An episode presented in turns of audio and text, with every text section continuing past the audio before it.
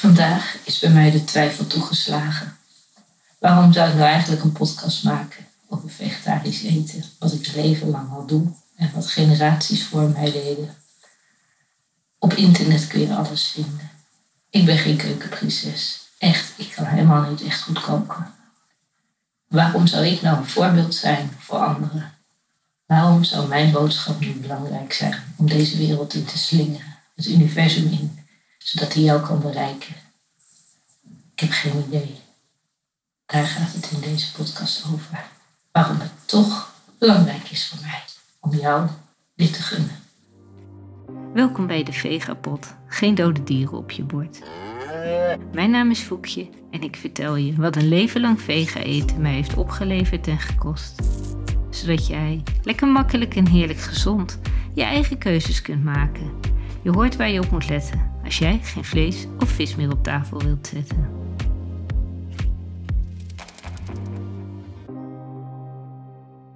Deze podcast die was er nooit gekomen als ik niet in contact was gekomen met Jolanda Helverstein. Jolanda heeft een, zelf een uh, hele bijzondere podcast. Het gaat over spiritualiteit. En dat schrijft ze dan met een lange ei, T-I-J-D. Spiritualiteit. Normaal of bijzonder. En daarin interviewt ze jongeren die een verhaal hebben. Het kan gaan over een droom, maar het kan ook gaan over hun realiteit. Altijd gaat het over energie en spiritualiteit. Ik vind dat enorm geweldig van haar dat zij dat doet. En ik raad je zeker aan die podcast een keer op te zoeken. Een van de dingen wat zij doet, is dat zij MBO-studenten die op ROC eh, mode studeren, of uh, de modeacademie volgen daarin, ja, die geeft ze dus een platform om wat over zichzelf te vertellen. Daar komen de mooiste verhalen uit. En dan zie je de intelligentie van deze personen. Dan zie je hoe Jolanda daarmee omgaat. En hoe zij dat verhaal tot leven brengt van deze jongeren. Ja, heel veel respect voor haar manier van werken en het maken van een podcast. Waarom vertel ik dit?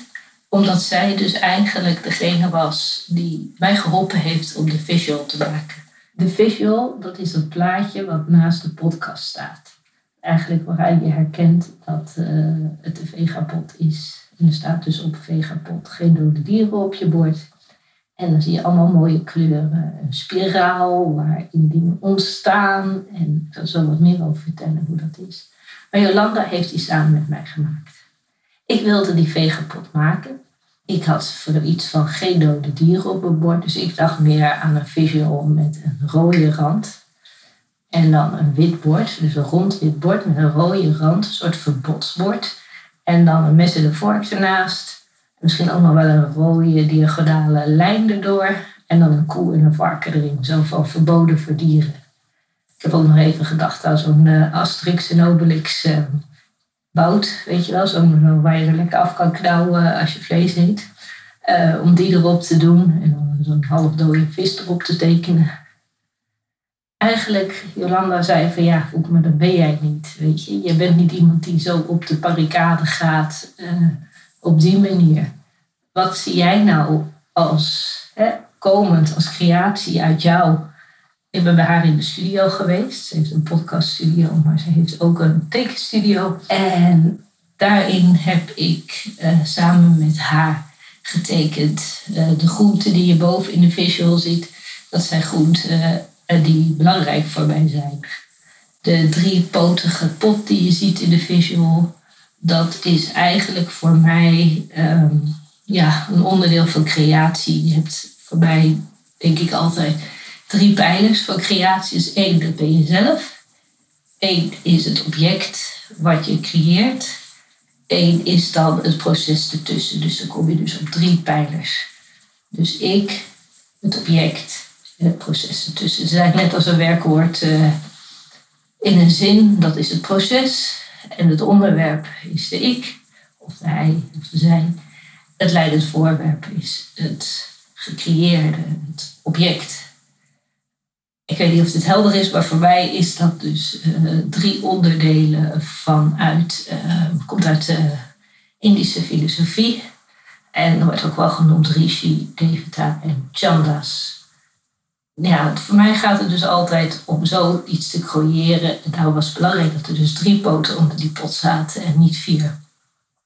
Dan was ik daar in die studio en was ik aan het tekenen, zo een beetje zoals ik dat wel eens doe. Een beetje van dat kriebelen als je in een gesprek zit om je aandacht erbij te houden. Vind ik het heerlijk om een beetje te tekenen op zo'n blaadje. En daar ontstond gelijk een spiraal. En die zie je dus ook terug in de visual. Die spiraal gaat erom van, ja, je begint ergens en het krijgt vorm, het gaat door. Dat in tegenstelling tot een cirkel die is altijd gesloten. Hè? Daar zit geen ontwikkeling in. Die is niet dynamisch. Die blijft altijd op dezelfde plek. Maar spiraal zit een opening in de cirkel en daarmee ontstaat wat. En dat is eigenlijk ook hoe ik het leven zie. Er zijn veel mensen die tegenwoordig familieopstellingen doen of uh, andere bewustzijnsontwikkeling uh, zaken. Dat heb ik ook allemaal gedaan. Machtig interessant, echt prachtig. En dan denk ik ook altijd, weet je, door zo'n bijeenkomst heb je dus net dat stukje dat het open gaat, die cirkel. En dan ontstaat er dus een spiraal en kun je ontwikkelen. Kun je buiten je bestaande pad kun je lopen. je kunt dat ook zien als overtuigingen die je hebt, die je los kunt laten. Die, ja, gewoon door een heel klein stukje iets anders te doen, ontstaat er beweging, ontstaat er iets nieuws, ontstaat er een creatie. En jij, het proces, en het object waar je in zit, ja, daar komt een soort dynamiek in. En dat noem ik dan ontwikkeling. Ja, bij deze PV-pot ja, zit daar dan ontwikkeling in. Ik had er ontzettend uh, betwijfels over vanochtend toen ik er weer eentje wilde gaan maken. Ik denk, ja, wat moet ik er nou mee? Maar wat er dus gebeurde is, bij Jolanda, Jolanda Helverstein in de studio, was ik aan het tekenen. En zij zei, toen we klaar waren, na een uurtje of twee, zei ze van nou Voek, vind je het goed als ik het nog wat afwaak? En dan uh, vraag ik daar een kleine vergoeding voor. Een kleine vergoeding vroeg ze. Maar ik vond het geweldig dat ze deed. En ze heeft er een werk in gestopt. Ze heeft er uren aan gezeten om echt die kleuren mooi te maken. Die aardappel die ik getekend had, tot een echte aardappel te maken. Die boerenkool, een echte boerenkool te maken. En die visual, ja, die staat er nu. En die heeft dus aan de ene kant mijn, ja, toch wel wat spontane, niet al te verfijnde uitstraling. Maar ook de kleuren waarvan ik hou zitten er nu in. En alles wat erin staat, dus de andere vegapots, uh, als de twijfel de goede kant op gaat en ik doorga, die zal ik nog wel eens wat over vertellen over uh, de inhoud van uh, die visual. Maar ze hadden er zoveel tijd in gestopt, dat ik het ook gewoon niet kon maken om dus niet die vegapot te gaan starten. En heb ik nog wel zo op dit moment dat ik denk, ja, er zijn toch mensen die naar mijn verhaal luisteren, er iets aan hebben. En dan is het maar één iemand die denkt, oh, dat ga ik anders doen. Ja, dan is het gewoon de moeite waard. Dus ja, bij Jolanda in de studio is dit dus echt uh, realiteit geworden dat ik die vegapot ga doen. Ja, nu is het al inmiddels uh, ja, heel wat afleveringen verder. Ja, en ga ik er dan mee door? Nu ik hier zo sta te praten, denk ik, ja, ik moet gewoon doorgaan. Ik bedoel, het is niet makkelijk om zo'n vegapot te maken. Er komt gewoon heel veel bij kijken, überhaupt bij een podcast, uh, heb ik ontdekt uh, door de tijd heen. Want aan de ene kant kun je dus kiezen van ga het oplezen van een papiertje. Aan de andere kant kun je gewoon vrij gaan spreken. Je moet bedenken wat aan het begin komt, aan het eind komt. Er moet een logische verhaal in zitten, logische opbouw.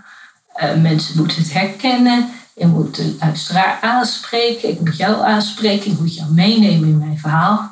Nou, ik vind het allemaal heel veel werk en heel moeilijk. En ik heb geen onderwijskundige achtergrond. En dat ik altijd al zo'n curriculum eh, van voor tot achter uh, inbeelde. Dus iedere keer als ik wat vertel, dan denk ik, oh, dit hoort erbij, dat hoort erbij, zus hoort erbij. Oh, moeten we het daar ook over hebben? En voor je het weet ben je van pannenkoeken naar uh, ijsjes, naar gezonde, warme maaltijden. En ja, vliegt het gewoon heen en weer. De vraag is dus, is dat erg? Ook had ik me niet beseft dat om zo'n podcast te maken, ja, dat je ook echt een goed inhoudelijke boodschap moet hebben. En dat je niet alles meteen uh, eruit moet uh, gooien. ik weet niet meer hoe ze heette, maar die zei uh, heel mooi. Die zei, ja, je moet geen kennis kotsen. Want dan, uh, ja, daar haakt de luisteraar af. En ik had juist zoiets van, ja, als ik nou gewoon mijn kennis uh, en mijn ervaring vooral, als ik dat nou gewoon het universum inslingen, dan zijn er vanzelf mensen die daarop aanhaken. En dan komt dat vanzelf goed. Ja, en wat komt er dan nog meer bij kijken? Ik kom net tot de ontdekking dat ik dus gewoon de microfoon van mijn computer heb aanstaan en niet de microfoon, microfoon. Dus dat het ook allemaal weer verrot klinkt. Dat had ik in eerdere afleveringen ook al. Denk ik, oh, daar heb ik dan weer even niet aan gedacht. Maar goed, ik heb hem nu goed staan, dus nu moet het geluid voor jou ook een beetje prettig klinken. Uh, ga ik hem nu opnieuw opnemen? Nee, dat doe ik niet. Ik heb me voorgenomen dat ik het gewoon inspreek. En dat is het dan. Want ik ben een enorme perfectionist. Echt enorm. En ik kan je vertellen, als ik het zou doen zoals ik het werkelijk zou willen, dan zou er never nooit niet een vegapot uh, gemaakt worden. Dan zou ik eindeloos het aan het veranderen zijn, het opnieuw aan het inspreken zijn. En ja, dat zou gewoon helemaal geen zin hebben.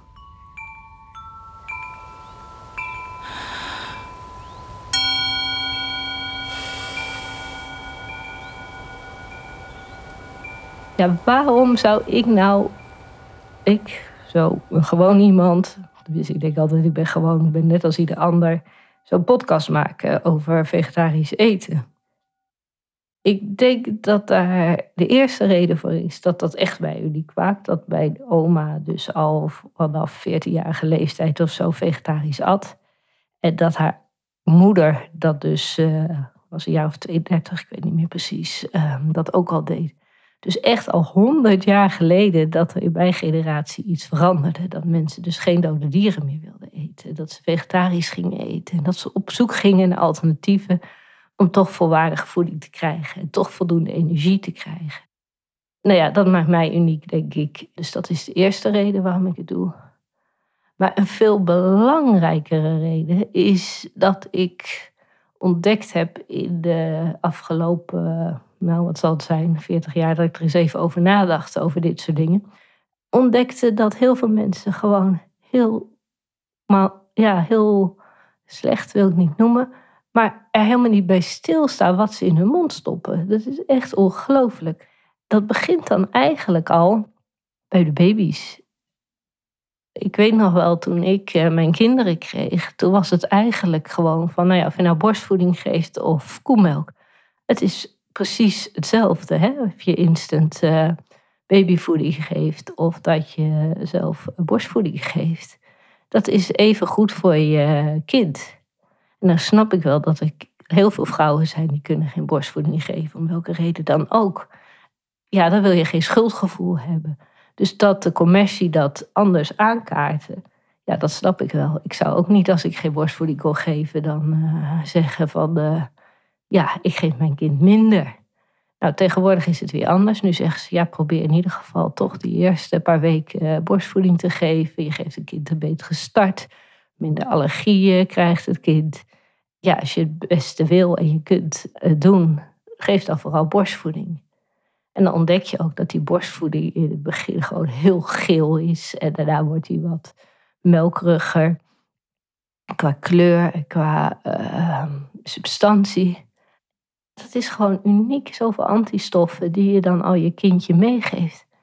En dan denk ik, hoe, hoe kan het toch zo zijn dat dan zoveel jaar geleden dat gewoon gelijk geschakeld werd? Dat er geen onderscheid gemaakt werd. En zo was het ook bijvoorbeeld met kiwis. Ja, je moest je kind iedere dag een kiwi geven. Nee, je moest je kind geen kiwi geven. Nou, al die ontwikkelingen die de wetenschap en de voeding uh, doormaakt en de marketing die daar vooral bij zit, waar natuurlijk andere belangen op zijn dan uh, wat voor jou goed is, die is gigantisch in deze tijd. En dat houdt niet op. Dus dat is eigenlijk dat ik denk van het is zo belangrijk dat jij je eigen keuzes maakt en zelf nadenkt. En ik denk, ja, dat is het doel van deze podcast. Niet meer, niet minder. Dat is wat ik heel erg fijn wil vinden. Als jij door naar mij te luisteren af en toe, denkt van, oh, ik moet daar heel even bij stilstaan voordat ik in de actie ga. Niet meteen gewoon alles in mijn boodschappenmandje gooien, maar gewoon even denken of het misschien een betere keuze is, of dat ik het toch net wat anders aan kan pakken, of net iets anders klaar kan maken. Waardoor ik ehm, het milieu, mijn eigen lichaam gewoon beter voed.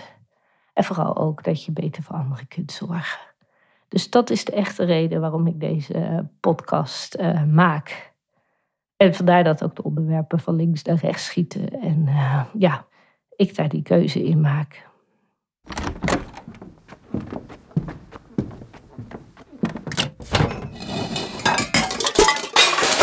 Dikkie. Op internet is er natuurlijk ontzettend veel te vinden over vegetarisch eten. Ik uh, heb gegoogeld op een gegeven moment, uh, vlak voordat ik begon met deze podcast, om te kijken wat er allemaal is. Het is giga, giga. Als je kijkt in de supermarkt, blaadjes, er staan prachtige vegetarische gerechten met allemaal goede voedingsstoffen erin. Er zijn fora, echt, ik vind het heel geweldig. En vooral ook voor veganisten die uh, met elkaar kunnen overleggen of inspiratie met elkaar kunnen delen. Of uh, ja, ideeën kunnen uitwisselen. Je hoeft eigenlijk maar in te typen van, uh, goh, wat is jullie ervaring met een sapmachine? En dan kom je al ergens op een site waar gewoon informatie staat. En wie ben ik dan om daar wat aan toe te voegen? Nou, dat is dus een derde ding waarvan ik denk van ja, toch omdat ik dat dus al zoveel jaar heb onderzocht, uh, ervaren, uh, of het nou gaat om welke campagne je koopt, of of je nou wel of niet, ik zal zeggen van die sapmachines. Ik heb uh, nu net mijn derde sapmachine. De eerste die was heel oud, en die heb ik misschien een keer of tien gebruikt.